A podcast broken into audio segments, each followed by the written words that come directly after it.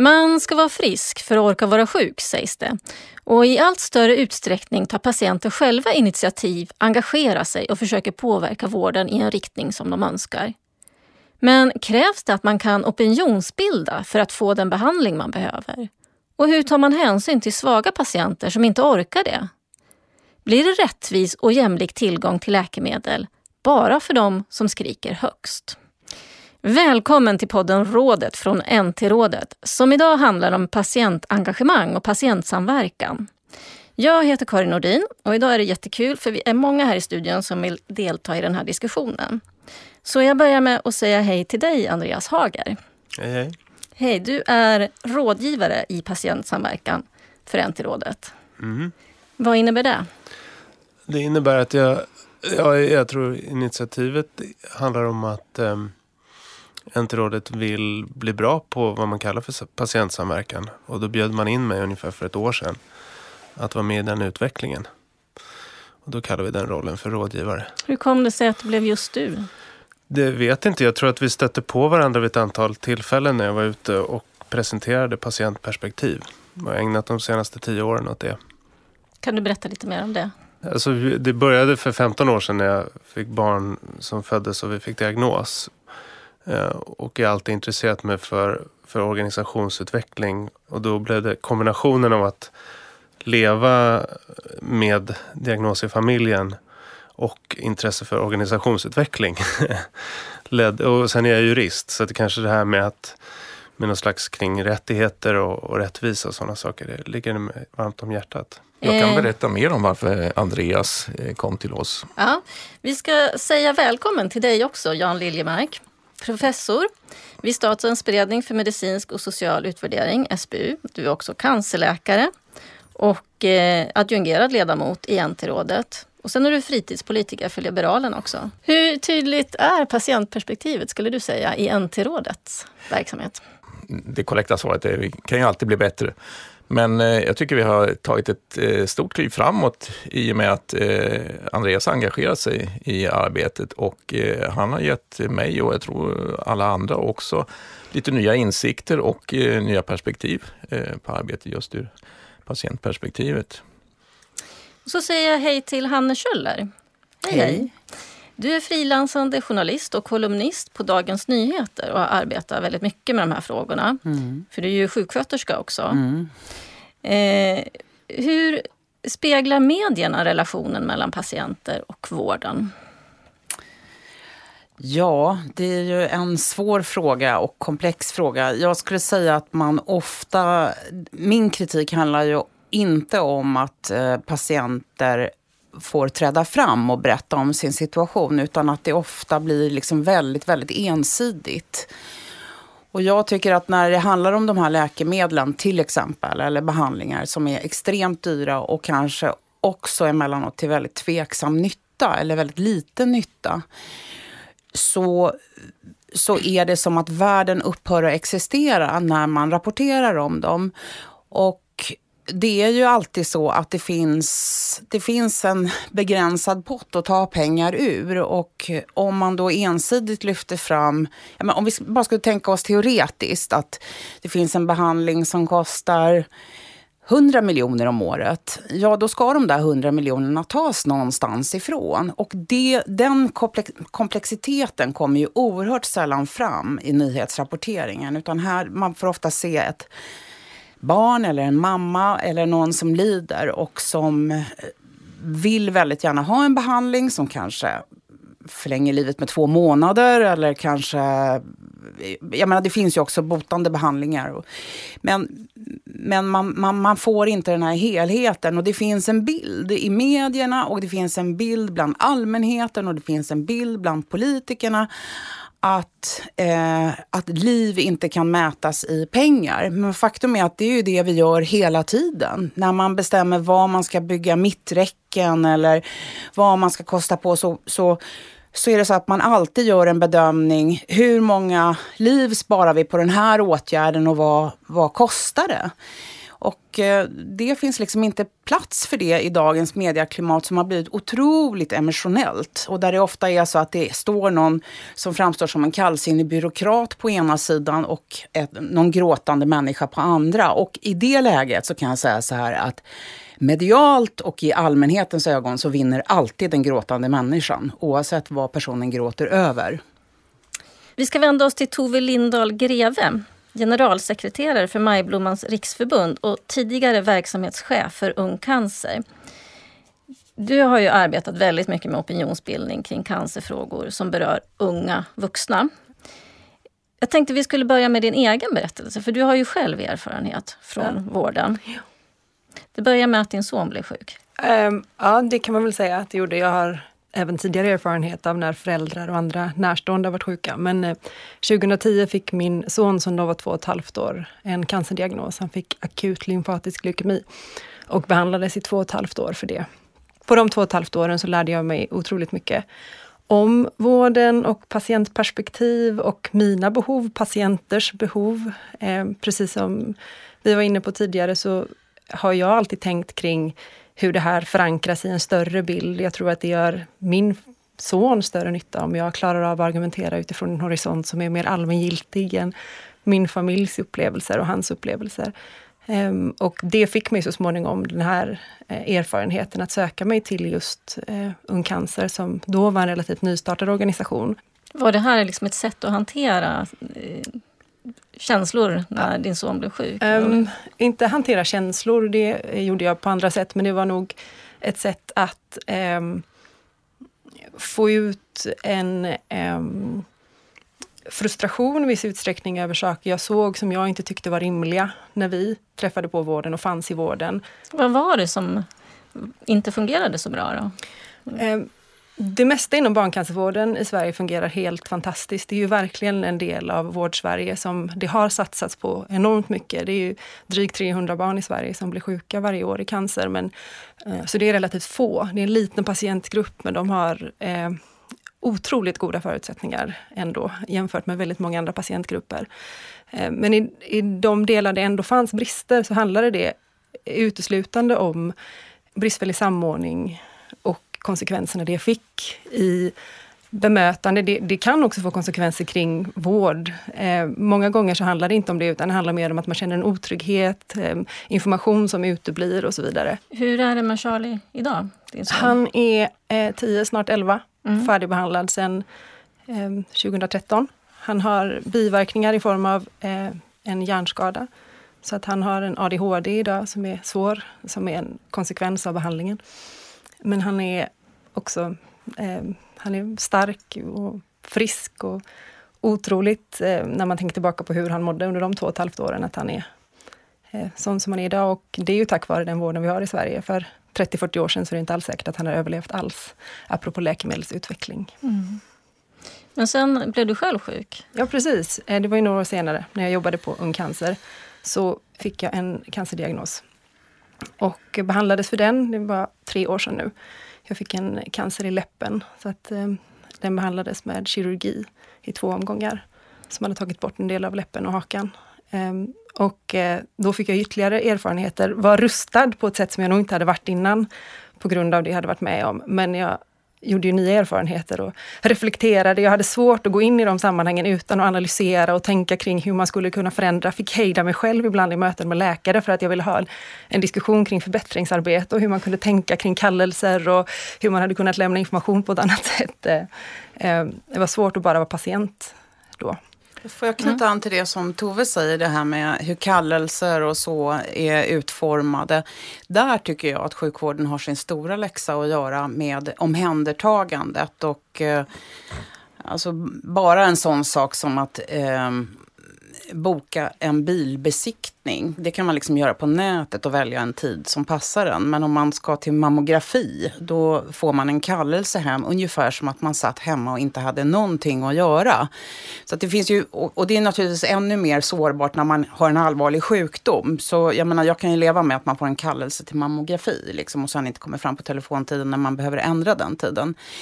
Eh, men det finns väldigt mycket runt omkring där det kan förbättras. Men det jag upplever nu är ju mycket på middagar, på fester, på sociala medier att det liksom sprids en bild av att man inte får vård om man inte kräver den.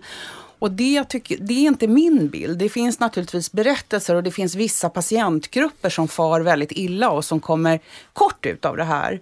Eh, till exempel eh, människor med kronisk psykisk sjukdom, schizofreni till exempel. De, de figurerar ju väldigt sällan i i nyhetsmedierna. Men, men däremot liksom kombinationen barncancer, det liksom bara väcker alla, det tänder alla röda lampor och där ska röda mattan rullas ut för de barnen. Och det finns en ganska stor eh, konsensus kring det.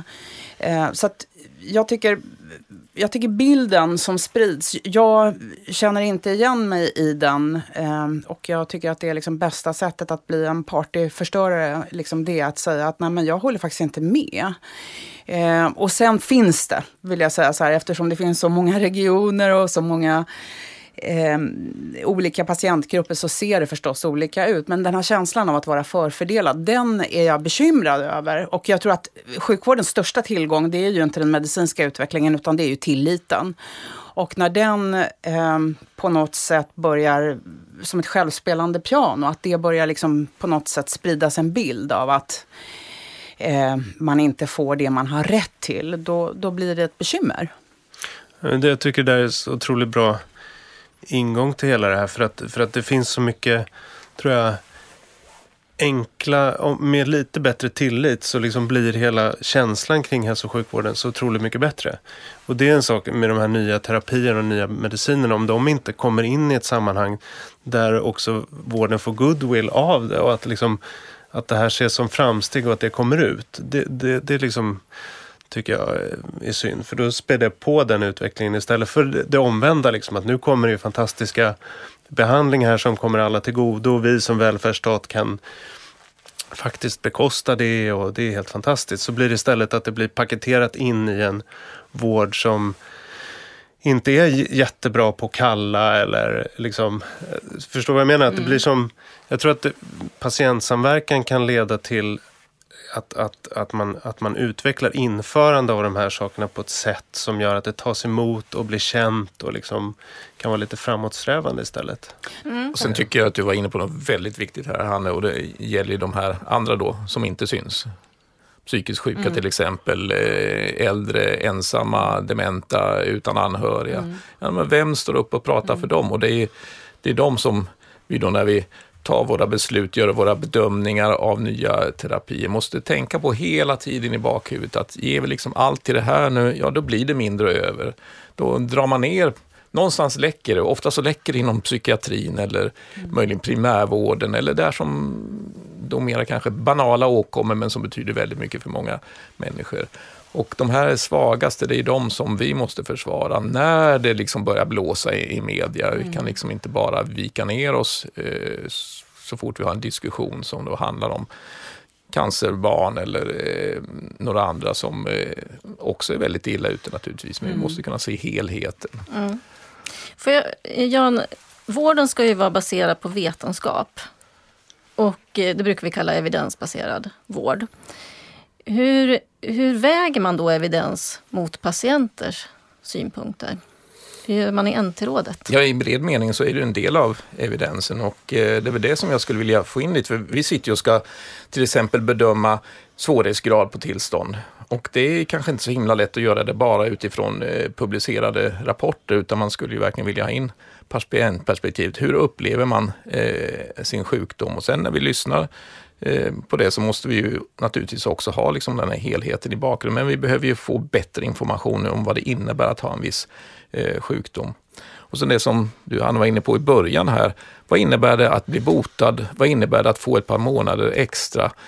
Eh, alltså i relation till varandra, hur ska man värdera de här sakerna? Och det har vi diskuterat liksom, ut och in utan att egentligen bli riktigt eh, kloka på. Det är klart att det är bättre att bli botad, men är så att säga 40-åra bot eh, bättre än 240 patienter som får ett par månader till i slutet av livet med mm. god livskvalitet. Det kan man verkligen fråga sig och det kan man vrida fram och tillbaka. Och det som vi behöver liksom ha hjälp av patienten att förstå, liksom, hur, hur ser de på sina liv och de här olika möjligheterna. Fast då blir ju ändå problemet att du lyssnar på de patienterna som är röststarka och inte på den som har en kronisk schizofreni som sitter i en ettrumslägenhet och röker ihjäl sig. Därför att de inte kommer fram på något sätt. Och jag menar ändå att det är naturligtvis viktigt att och lyssna på patienter för att se så här, så här upplever jag min situation, så här är mitt lidande och eh, jag får de här besvären av den här behandlingen eller vad det nu än är. Eh, men, men däremot så ser vi ju i hela samhället mer av en efterfrågestyrd vård och en nöjd kundprincip som tillämpas på allt fler områden där det finns en offentlig finansiering i botten. Och då menar jag att det, det ofta finns en konflikt mellan vad eh, som är evidensbaserat och vad som är liksom, kundnytta. Eh, och eh, det finns många exempel. Jag tittade igenom vad jag har skrivit för, förut här, men jag skrev bland annat om en eh, vegan, ett veganpar som fick ett barn som, eh, där de hade problem med amningen och så ville de ha en ersättning som finns och man kan få den rabatterad om, man har, om barnet har en eh, mjölkproteinsallergi. Eh, men det hade ju inte det här barnet utan föräldrarna var veganer bara. Och, eh, så de anmälde det här till Diskrimineringsombudsmannen och Diskrimineringsombudsmannen la ner ärendet sa att det här är ingen grund för vår diskrimineringslagstiftning. Men då var problemet redan löst för då var det liksom någon snäll läkare som hade kryssat i rätt ruta ändå. Och så fick de då den här ersättningen som hade ett högre kilopris än Kalix löjrom. Eh, för att de ville det. Och det är klart att de pengarna tas från någon annan. Så att jag tycker också att det finns inom vården, det finns en, en svaghet där både enskilda läkare, där eh, politiker och där tjänstemän inte står för den princip vi har kommit överens om. Och där vi säger att vård ska ges till dem som behöver den mest. Och då, får, då får man inte de som skriker mest. Och då, jag tycker att man måste stå upp för detta som politiker. Jag tror, jag tror det är värre än så. Jag tror det finns en okunnighet bland både tjänstemän och vårdpersonal om vad prioriteringar innebär. Jag läste Stockholms läns landstings eh, budget proposition häromdagen och det var 198 gånger så stod det om prioriteringar. Allting handlar om att prioritera upp saker. Ja, Aldrig och, prioritera ner. Nej, precis. Och jag tycker att om man säger att det här ska ligga först, då säger man att något annat ska ligga sist. Eller inte finnas med vad. allt. Eh, alls. Ja, nej, precis. Man säger mm. aldrig vad. Vad säger lagen om patienters åsikter eller synpunkter? Rättigheter? Ja, men jag tror en ingång i det är väl att ytterst så vi har, det är politiska, väldigt politiskt styrda system också. Eh, vilket gör det ju, för mig som kommer från affärsjuridiken och, och affärslivet från början, det, det blir ju det blir som ytterligare en nivå som gör det svårt här. För att det finns politiker som ju drivs av, av, av väljare och medborgarnas röst väldigt, eh, väldigt styrt. Så att det här gråtande barnet i normalt affärsliv om det finns ett gråtande barn som, som gråter på Apple för att det inte kommer ut en ny mobiltelefon så är en sak. Men här, här gråter man och så kan man påverka politiker som är beslutsfattare som egentligen kan gå in och styra systemen här. Eh, vilket gör det väldigt svårt. Ehm, och då finns mycket, mycket rättighetslagstiftning kring patienters roll handlar ju om det. Så att, att, att eh, patienters röst i ett politiskt system. Hur man kommer, att man får eh, komma till tals liksom, eh, på det sättet. Sen finns det i, i patientsäkerhetslagstiftningen så finns det sen 2010 regler som, som det finns en skyldighet att alltid konsultera patienter. Eh, och sen så har vi ju patientnämnder och andra institutioner som gör att man när någonting går fel eller man undrar om någonting så har man någonstans att vända sig. Så det finns ju ett, kan man säga, ett ett nätverk av olika rättigheter och möjligheter för patienter att, att vara med och påverka både sin egen situation och systemens utveckling. Mm. Så jag måste säga att det är väldigt lätt att skylla på politiker och ett politiskt system. Jag har inte varit med en enda gång under vare sig NT-rådets tid eller dessförinnan NLT-gruppen att någon politiker har gått in och försökt påverka de beslut som vi har tagit eller rekommendationer som vi har gjort. Så att, eh, och där sitter ju i princip bara tjänstemän, då, utan jag som råkar vara fritidspolitiker. Men, men så att det är nog tjänstemännen själva som får ta på sig det och eh, tänka Men på hur menar man... du det på riktigt? För att i Jänterådet sitter ju representanter från de olika regionerna. Och de regionrepresentanterna sitter ju i ganska politiskt styrda organisationer. Tror du inte de har örat i marken kring hur liksom, politiken i regionerna också? Ja, för jag tror, även ute i regionerna så är det inte så att politiker går in och talar om för tjänstemän vilka beslut de ska ta på, de, på den nivån där besluten är delegerade till tjänstemän. Politikerna tar ju de politiska besluten i, i sina får- nämnder och styrelser. Får jag, Jag menar inte- invända ja. där bara? För, att, för någon månad sedan så var det på Rapport ett inslag om bukplastiker efter förlossningar. Där man gjorde olika i olika regioner. Och och eh, där det tydligen, vad jag fick reda på i alla fall, så finns det liksom ingen evidens för den här metoden. Eh, det, det var någon särskild sak som jag inte kan, jag har ju inte läst på det här för att eh, jag tar det på volley här. Men och där gick faktiskt en politiker ut och sa att Nej, men det är klart att vi ska erbjuda det i vår region också. Och det tycker jag är oerhört anmärkningsvärt att, att politiker lägger sig in i det som är professionens roll. Så att jag tror att det finns en frestelse i att säga, jo men det är klart, nu har vi visat att men ni får inte det här i Örebro, men man får det i Uppsala. Ja, men det är klart att ni ska få det i Örebro också. Men jag tänkte gå vidare här till, det finns ju en mängd olika metoder och verktyg som man kan använda om man vill samverka mellan patienter och vård och myndigheter. Eh, man kan ju till exempel använda fokusgrupper kring en viss fråga och patienter kan delta i utformning av informationsmaterial. Man kan ha brukarråd där patienter och myndigheter utbyter information. Skuggning är ett sånt här exempel där en tjänsteman kan följa en patient över en dag. Och när man tittar på de här metoderna så, så går ju flera av dem verkligen ut på att verkligen lyssna på patienten. Tove, ni hade ju massor med berättelser i Ung Cancer.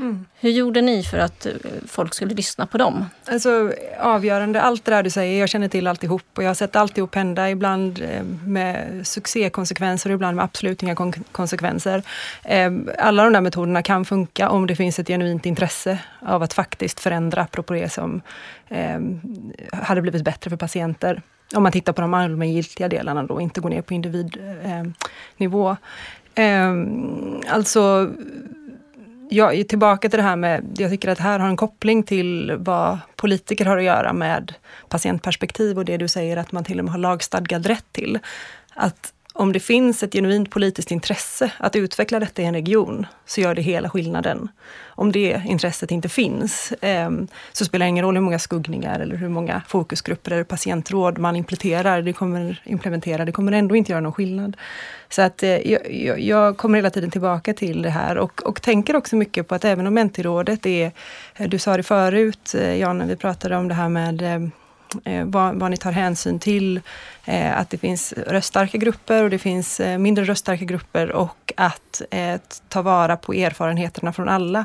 Det finns ju en väldigt tydlig koppling mellan utfall och en kombination av medicin och eh, psykosociala faktorer. Och där tänker jag att Eh, vården har ett stort ansvar och jag vet inte i vilken utsträckning NT-rådet skulle kunna inhämta sån information idag. Men det finns ju regioner och det finns ju vårdenheter som är väldigt bra på att sammanställa eh, både utfall av behandling rent medicinskt och hur det samverkar med helt andra faktorer som bemötande eh, och så vidare. Så att jag, eh, som ett lite krångligt svar på din fråga, tror jag att allt det där kan funka. Eh, och eh, politikernas eh, ansvar eh, kan fungera alldeles utmärkt, utmärkt. Den rådande lagstiftningen kan funka. Men det måste finnas ett genuint intresse att faktiskt förvalta det som kommer in och göra någonting eh, slagkraftigt av det. Men hur, hur jobbade ni i Ung Cancer? Vi hade ju flera tusen medlemmar som alla hade olika eh, diagnoser. De eh, hade också ett närståendeskap. De var inte alla själva sjuka. Eh, Den gemensamma nämnaren var att de var mellan 16 och 30. Eh, vilket gjorde att vi hade väldigt många erfarenheter som snarare hade att göra med att drabbas av sjukdom, svår sjukdom på ett visst ställe i livet. Och det gav utslag på vilka frågor vi drev. Eh, till exempel så handlar det mycket om eh, rehabilitering, att komma tillbaka till livet eller att komma tillbaka till det som livet blev snarare eh, än det man hade innan. Det handlar också mycket om frågor som till exempel sex och samlevnad, en trendande fråga om man är mellan 16 och 30. Särskilt om man har fått en diagnos som de flesta är bra mycket äldre när de får och kanske absolut inte skulle ställa frågor kring. Ehm, så det handlade mycket om att utbilda vården, om att prata med vården om vikten av att lyssna, vikten av att förstå, att ställa andra frågor än vad de brukade ställa. Ehm, ja, helt enkelt samla ihop de frågorna som vi såg att våran eh, medlemsgrupp, och vi försökte tänka bortom medlemsgrupp, för det är ytterligare en problematik när det gäller patientpåverkan, att man attraherar ju de som tycker som en. Och patientgruppen är ofta större än dem. Ehm, så vi, vi, samlade ihop och eh, hade ett rätt systematiskt sätt att sen eh, i olika kanaler driva det, både mot politiker och allmänhet, genom sociala medier, genom vanligt lobbyingarbete mot politiker och så vidare. Mm. Och, eh, ni använder de enskilda berättelserna då? Ja, vi, vi använder de enskilda berättelserna men eh, det är förenklat att säga att det var det vi gjorde bara, utan det låg ett rätt strate strategiskt arbete bakom det, att de enskilda berättelserna skulle bära de allmängiltiga upplevelserna. Så att vi höll oss så långt ifrån vi kunde det som Hanne var inne på tidigare, att det blir en snyfthistoria. Dels för att det inte är sanningsenligt och vi vill inte påverka genom en individs upplevelser, för det är inte legitimt. Um, men också um, för att inte spä på det som Hanne var inne på, det här att det, det blir ett vi och ett dom, de stackars där borta utan lite mer det som Andreas är inne på, att man går in och ut ur ett patientskap genom livet. Alla är där förr eller senare. Många av de läkarna vi pratade med brukade jag tänka om man gick in i ett möte och man tänkte att hur ska jag få den här personen att förstå? Så kommer jag ju på ganska snart att den här personen har ju också varit, är ju också en människa, har varit patient, har varit närstående, kommer att bli det. Um, så för att inte exotifiera kring unga vuxna cancerdrabbade till exempel, vilket sker i media annars, så valde vi omsorgsfullt till och med vilka medier vi gav access till våra liksom, berättelser. För att vi visste att i vissa sammanhang kommer det här bli, få en motsatt effekt. Och det är vad vi vill. Så det fanns mycket strategi bakom det som ibland framstod som en takeover på Instagram kanske. Vad kan det vara för motsatseffekt? Eh, om, ja, men det jag är inne på, att om vi bidrar till precis det han är inne på, för jag tror också att det är ett, det är ett av de största problemen vi står inför nu. I, det är ju inte bara i den här frågan, det är ju nästan alla frågor som debatteras idag. Um, att det, det, är lätt att liksom kasta sig in i förhastade slutsatser och man ställer sig på den svaga sida, tycker man, tror man, tänker man, utan att ha egentligt underlag för det. Um, i vårt fall på Ung Cancer så hade det absolut kunnat få precis motsatt effekt. När vi försökte avstigmatisera cancer och döden till exempel, det var någonting vi jobbade jättemycket med. Eh, om vi då spär på den här bilden av att det är, finns en, en utsatt person eh, så kände vi att vi motverkade det i väldigt stor utsträckning. Men får jag komma in här, för det finns, det finns två dimensioner av det här med eh, lidande och medkänsla och så. Det, det, är ju ett fenomen nu att fler och fler börjar crowdfonda för att få en behandling utomlands. Och när då de här historierna kommer upp, som ofta är väldigt emotionella, ofta skrivet av en förälder eller en nära anhörig, eh, så kan jag känna ett väldigt stort medlidande. Men eh, jag vet ju inte om jag hjälper eller skälper den här personen genom att sätta in pengar på det här kontot. Därför att jag kan inte bedöma den här behandlingen. Är det här någonting som förlänger lidandet? Är det här någonting som ger biverkningar som är plågsamma för den här sjuka och så. Och sen så är det nästan så att man känner sig taskig. När man inte, gör, när man inte sätter in några pengar och särskilt om det är någon man känner eh, liksom privat. Jag menar, det sker stora crowdfundings liksom bland, eh, på Twitter och så bland människor som inte känner varandra. Men när det är någon man känner och eh, man hamnar liksom i en gisslansituation lite grann och så vill man göra gott. Och det goda kanske är att säga om det är någon man känner att komma över med tio eh, frusna lasagnepaket. Eller säga, kan jag, kan jag hjälpa dig med något? Kan jag gå ut med hunden? Kan jag göra någonting annat? Men det här med att människor så oerhört snabbt är beredda att gå in med ekonomiska medel för en behandling som man liksom inte har någon aning om eh, vad, vad den ger och vad den ger för sidoeffekter. Det tycker jag är Får jag besvärligt. Bara, får jag ja. bara säga att Ung Cancer höll ju aldrig på med någonting Nej. sånt och håller heller inte idag på med någonting sånt. Tvärtom har ju Ung Cancer sedan start sagt att medicinska eh, förehavanden på det hela taget, en individs behandling och så vidare, det var aldrig någonting vi blandade oss i, utan Nej. vi tittade på helt andra aspekter för att vi inte besatt den Ja. kompetensen. Och vi hade en målgrupp som var så bred att det inte fanns några möjligheter att samla in en gemensam medicinsk erfarenhet. Ja. Men, men så vi, vi måste, jag måste bara påpeka att Ung Cancer Ja inte... absolut, Nej, men det var inte så var jag sa utan Jag bara menar att det här också hade lite bäring på det som eh, både Jan och Andreas har varit inne på. Att det är liksom patientperspektivet eh, på anabola steroider upphöjt till 100. Att det här, blir, det här blir min berättelse av vad jag behöver för behandling. Och då, då har den personen själv sagt, eller den familjen har sagt, vi behöver det här och det här. Och, och sen blir det styrande. Och det, jag, jag finner det oerhört problematiskt. Jag måste bara säga att jag tycker patientperspektivet är patienters perspektiv. Mm. För mig är det en jättestor skillnad Mm. på det individuella behovet, Mm. den individuella upplevelsen och patientperspektivet. Patientperspektivet är att samla det mänskliga. Ja. Medan patientens perspektiv kan vara något annat. Det är sällan man ser eh, någon crowdfunding för behandling av eh, en äldre kvinnas analinkontinens till Precis, exempel. Så att, precis. eh, och det, det finns ju här, och du representerar Ung Cancer nu och vi har Barncancerfonden som har enormt mycket pengar, gör jättemycket tv-reklam. Och jag tycker jag sett under de senaste, senaste decenniet en svängning från det här som ändå ganska tydligt tycker jag i den sjukvårdens etiska plattform inom människovärdesprincipen att ålder ska inte ha någon betydelse i prioriteringen, en kronologisk ålder ska inte ha det, till att man börjar mer och mer och säga, säga att ja, men det här rör ju barn, då måste vi vara mer generösa, en högre betalningsvilja och så vidare och så vidare.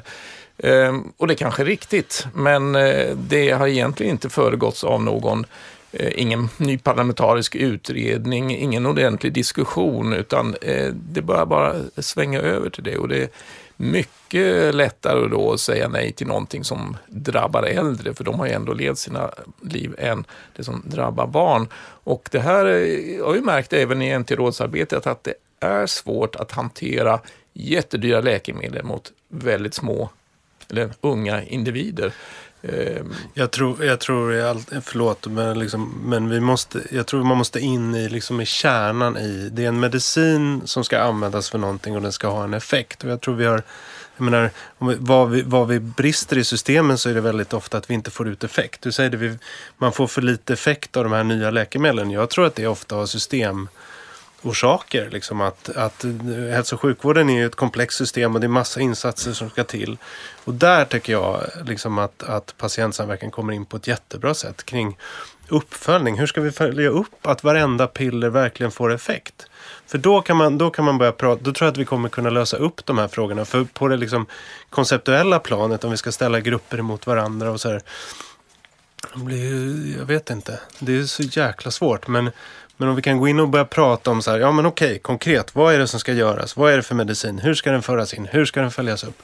Och där tror jag, där tror jag att vi kommer in som patienter. För det är, ju- där har vi ju total intressegemenskap med, med de som förskriver läkemedlet. Vi vill ju ha ut effekten av dem. Liksom. Eh, hur får man patientsamverkan att liksom bli en del av en systematisk verksamhet? Man måste fråga sig vad det är man behöver för sin egen verksamhet för att den ska bli bra. Patientsamverkan har utvecklats de senaste tio åren från att vara sådär, ingen vet riktigt vad, vad det är men det är någonting vi vill ha, vi bjuder in patienter och så, så, så, så händer det något till någonting mer systematiskt. Eh, då måste man ju först fråga sig vad, vad, är, vad är det vi gör här och på vilket sätt skulle patientperspektiv kunna, kunna hjälpa oss att bli bättre. Eh, och sen kan man ju utforma det uppdraget då till exempel genom att okay, vi behöver en rådgivare löpande som hjälper oss och, och ser till att vi får den input vi behöver när vi behöver den eller vi ska utveckla någon viss process, då gör vi det eller så. Så det är det första. Eh, och sen gäller det att hitta rätt stöd då för det. Eh, och det är ju som en rekryteringsprocess där man rekryterar patientsamverkanspartners eller vad man ska säga. Det är en aspekt av det. Men det handlar ju om det här med verksamhetsutvecklingen. Sen är det ju patientsamverkan i enskilda ärenden. Och där har ju Vårdanalys har ju tittat på, på att införandeprocessen har varit ganska kritisk utifrån patientperspektiv på att det var otydligt och svårt att förstå utifrån ett patientperspektiv. Och där är, tror jag nästa del att, att, att när man ska bjuda in patientens röst i ärenden så behöver man eh, ha en väldigt tydlig process och, och, och tydliga instanser där patienter kan komma in. Eh, och det känns ju också lite som tragiskt just när det gäller ordnat införande att det är ju det kan ju ha pågått i fem år de här processerna från det att forskningen är klar, ett läkemedel är på väg ut och eh, doktorer gör bedömningar och man tittar på hur det här ska in i behandlingen och sådana saker. Och sen så är det på en stenhård plats där man förhandlar pris med läkemedelsbolag och då blir det publikt. Och då ska medborgaren komma in då i, i det här jättehårda läget där det, sker, där det är liksom prisförhandling och man, det är verkligen hårt och det är ekonomiska frågor som avgör. Att då patientens röst kommer in där, det, det kan bli tragiskt. Liksom.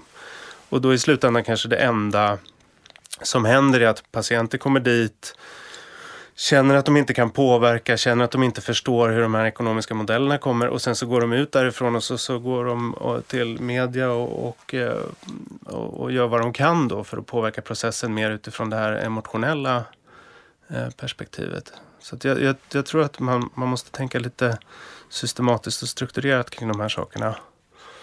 Men det beror på vad man är för verksamhet. Jag menar, mm. NT-rådet är ju inte en vårdverksamhet. Det är ju en slags samverkan mellan regioner kring prioriteringar. Men lite grann känns det som att man slänger in gästen efter bullarna ibland. Eh, man ska ha patientsamverkan, det ska alla ha. Det är mm. någonting fint. Och så eh, tänker man inte riktigt på vad man ska ha det till. Mm. Och eh, det behöver komma in tidigare och det behöver komma in mer systematiskt som du säger. Men jag tror också framförallt att det behöver man behöver uppfostra alla i NT-rådet att tänka liksom, patientperspektiv. Och det behöver, liksom, kan ju vara din huvuduppgift att alltid påminna om ja, men har, hur har vi det med patientperspektiv. Förstår vi vad den här sjukdomen innebär verkligen? Eh, tänk bara, bara, på det här läkemedlet mot analfistlar vi hade här om eh, sistens. Eh, jag eh, tyckte att va, man bjöd in tre kirurger men ingen patient för att tala om vad det var för sjukdom och hur eh, illa det var ungefär. Jag skulle gärna vilja haft en svårt sjuk patient där som fick berätta om sina upplevelser och vad det verkligen innebär att ha den här, här tillståndet. För jag har en känsla av att det, ja, det är ingenting man dör av. Men då handlar det ju just om att för er att förstå data för att förstå evidensen, eller hur? För att det, det, jag tyckte det var så, det är ett väldigt bra exempel för där, det var inte för att förstå hur jävla hemskt det är att ha de här fistlarna. Och det, det kanske finns några aspekter av det. Men det mm. handlade ju väldigt mycket om ganska specifika frågor kring det där. Vad, liksom, hur behandling funkar och vad, hur, vilka eh, återkommande besvär kan man få. Och så där. så jag tyckte det var, det var ett väldigt bra exempel på någonting där patienter säkert skulle kunna bidra med någonting ja. som ökade, som gjorde att ni tolkade evidensen på ett, på ett bättre sätt. Ja, framförallt tolka det, se vad har vi för betalningsvilja för det här tillståndet som inte är dödligt men ändå ställer till ett elände för patienten. Men jag tänker att där kan ju faktiskt patientperspektivet vara viktigt också just för att ni arbetar med läkemedel som kan göra skillnad på liv och död och på prognoser och med barn och så. Och om, man då, om det då handlar om någon behandling som kan förbättra livet avsevärt för några som plågas men som inte får några stora uppslag i tidningarna för sitt lidande, mm. så är det väl viktigt att höra om det livet är oerhört mm. handikappande. Och att, att man vet det, att man inte bara, ja men vadå, analfistlar, vad är det? Vi jobbar med cancer och mm. Ja, det. Men det finns verkligen en springande punkt här i, apropå dina frågor förut Karin, om det här med eh, vad, vad funkar? Eh, och apropå det du säger Andreas, det funkar om man fattar varför man behöver det. Alltså det är uppenbart att NT-rådet vill ha det här för att ni tror att ni kan producera en bättre verksamhet, apropå ert uppdrag, genom patientsamverkan. Tyvärr är det inte alltid fallet, utan precis som du är inne på, jag håller inte med om att det bara var så innan. Jag tycker fortfarande det är ofta så att, ja men just vi ska ha en patient med också. Det har ju vi skrivit i våra riktlinjer. Ja, vi ringer en patient ja. eller två, check på den. Mm. Och så får det ingen som helst Nej. genomslag i någonting och det förbättrar inte alls.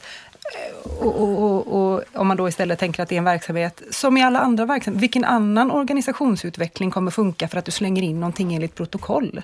Det är ju inte bara patientsamverkan, du måste ju tro att det kommer att förbättra verksamheten och göra dig bättre på att uppfylla ditt uppdrag. Mm. Så jag tycker verkligen att det är Och har Det- man idé om vad den rollen är? Vad, exakt. vad man ska bistå Hur? med? Om Precis, man ska bistå med att ja, gråta och berätta jag har ont eller berätta hur livet blir. Ja, man, man har ju ett Mm. ansvar också att forma den rollen naturligtvis. Och inte bara ta en patient. Det här är lite intressant för man pratar om en professionalisering av patientrollen. Och att eh, patienter då liksom behöver arbeta och, och engagera sig opinionsbilda och bedriva lobbyverksamhet och så. Eh, måste man liksom arbeta för att få tillgång till läkemedel? Må- Måste man bli den här professionella patienten? Jag skulle vilja vända på frågan.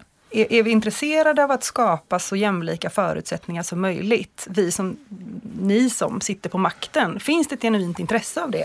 Nej, men då är det ni som ska professionalisera det. Det är inte patienterna som ska professionalisera det. De ska bli tillfrågade och inbjudna enligt precis det vi säger, att det finns tydliga ramar, ett tydligt uppdrag, god uppföljning, tydligt syfte.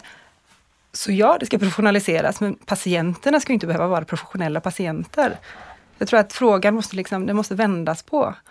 Ehm, Men man måste engagera sig som nej, patient. Alla måste absolut inte göra det, men Mm. om det finns bra ramar för detta så kommer ju även de som kanske själv aldrig hade haft förutsättningar för att göra detta, kunna komma in i det. Eh, Jag tror att det, det skulle säkerställa en jämlikhet på ett helt annat sätt om vi förvänt, än om vi förväntar oss att det är patienterna som ska skapa jämlikheten själva utan institutionella former för att göra det. Ofta är det inte patienterna som själva eh, skapar sina fora heller, utan det finns ju en annan intressent där som har mera kommersiella intressen och som gärna använder patienter för att föra ut sitt kom- kommersiella budskap. Och därför ännu viktigare att NT-rådet gör det.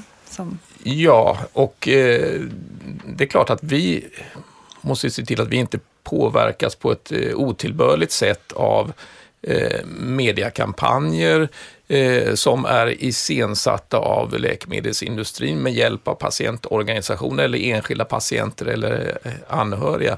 Eh, men det där är ju inte så himla lätt alltså. Och eh, samtidigt så är det problematiskt för att eh, ja, den här oväldigheten som patientorganisationer förväntas ha, den blir liksom naggad i kanten och vi börjar undra, liksom, vem är det de pratar för egentligen? Är det liksom för sina egna medlemmar eller är det för att man har fått eh, bidrag från olika håll? Eh, det där är ju inte bra. Eh, det är kanske är ett överdrivet problem, men eh, för oss, vi, vi ser ju det ganska ofta, så att eh, vi skulle gärna se att patientorganisationer var verkligen obundna. Det där blir så amplifierat också i den här extremt eh, laddade situationen där man egentligen handlar om att man förhandlar pris. Eller hur? Det, är- Ja. det är väldigt ekonomiskt drivet i de lägena och då, och då blir det där ännu starkare den misstänksamheten antar jag från, från er då. Eller? Eftersom det är ekonomiska intressen. För om det inte var Ja, några ja. ekonomiska intressen så... Absolut. Eh, vi, vi vill ju gärna se att patienterna driver sina eh, intressen och frågor. Och sen kan de eh, förvisso ibland sammanfalla med läkemedelsföretagens, men att man ändå håller liksom någon slags rågång däremellan. Vi tar ju alltid upp jävsdeklarationer även av patientorganisationer nu för tiden. Och det är klart att ser man då att man har fått bidrag ifrån kommersiella aktörer så ja, det påverkar ju förtroendet. Men där tror jag faktiskt att medierna har ett ansvar också och även en ambition att eh, när man då eh, lyfter fram patientfall att jag tror att man sällan är medveten om de här fallen där det handlar om att det är patientorganisationer som är producerade, finansierade och initierade av läkemedelsindustrin för att kunna driva. För där har vi återigen det här problemet. Om man skulle säga så här, men det är okej att göra det. Ja, vilka är det som eh, får pengar då från läkemedelsindustrin? Det är ju de patientgrupperna som på något sätt ses som särskilt utsatta. Barn, unga med en dödlig sjukdom. Det är ju inte jag har väldigt svårt att föreställa mig att man skulle iscensätta en sån här patientorganisation när det gäller urinläckage hos äldre kvinnor till exempel. Utan, för det funkar inte i medierna. Och då, då, jag tror ändå att, att eh, journalister vill ju inte vara styrda. Det ligger liksom i vårt DNA. Vi vill ju fatta självständiga beslut. Och eh, jag tror att eh, jag kan inte bedöma hur man ska göra på varje nyhetsredaktion, men om ett läkemedelsföretag skulle ringa och säga vi har en person här som vi har anställt för att vara patient, kan ni intervjua den här eh, patienten? Då tror jag att de flesta skulle säga nej faktiskt. Men sen är det frågan om hur mycket man vet och hur mycket kontroll man gör. Men, det, men för jag menar, det, är, det är också problematiskt att misstänkliggöra patientgrupper, så medias ansvar måste ju någonstans vara att granska det då. Att mm. på något sätt ha koll på varifrån kommer den här gruppen som till exempel Ung Cancer som startades av unga vuxna som själva hade haft cancer mm. och noggrant aldrig tog emot en enda krona så, vi var så paranoida så vi liksom, om vi inte riktigt visste vad den här resan handlade om som var till Varberg för att vara med på en föreläsning. Men kanske bättre att strunta i det då så mm. vi aldrig kommer bli anklagade för att ha tagit emot pengar. Och Men, de finns ju också. Jag måste säga att jag, jag visste ju inte om hela maskineriet bakom när jag såg den här dokumentären som eh, var gjord i Kanada eller vad det var om, läkemedels, om läkemedlet Soliris. Och om hur de aktivt hade eh, raggat patienter och fått in dem i tv-studier i Belgien och vad det nu än var. Och hur, hur otroligt aggressiv och genomgående den här marknadsföringen var och idén. Och sen hur man själva gjorde sig fullständigt oanträffbar när, man, när jag ringde och försökte ställa frågor och eh, fick ju aldrig kontakt med dem. Och det var mycket de gjorde och det var väldigt mycket pengar Eh, i omlopp där. Och Eh, jag, jag, måste ändå säga att jag tror inte att någon journalist eh, vill eh, känna sig lurad. Utan jag tror att man vill veta vem det är man företräder. Men jag tror det finns en naivitet både i media, även från politiker, från allmänhet. Eh, jag har ju jobbat i läkemedelsföretag eh, själv och jag vet att hade man en svårt sjuk patient, en lojal professor och en lat journalist, mm. ja då mm. var man ju hemma. Mm. Man kunde ju skriva liksom precis och få in ordagrant i ja. eh, redaktionell text i, i tidningar, eh, precis vad man vill ja. i, i princip. Och, Lat journalist eller stressad journalist kanske jag ska tillägga ändå. Okej, okay, för stressad då. Ja, du lyssnar på podden Rådet och det här avsnittet Rättvist och jämlikt för den som skriker högst. Jättespännande diskussion det har varit här idag. Jag är jätteglad att ni alla har varit med. Jag säger stort tack till Andreas Hager och Jan Liljemark från NT-rådet, till Tove Lindahl Greve, tidigare Ung Cancer och till Hanna Schöller som är journalist och kolumnist. Tack allihopa. Tack, tack. tack. Rådet är en podcast från NT-rådet. NT-rådet ger rekommendationer till landets regioner om hur nya läkemedel ska användas. Information om NT-rådet hittar du på www.ntrådet.se.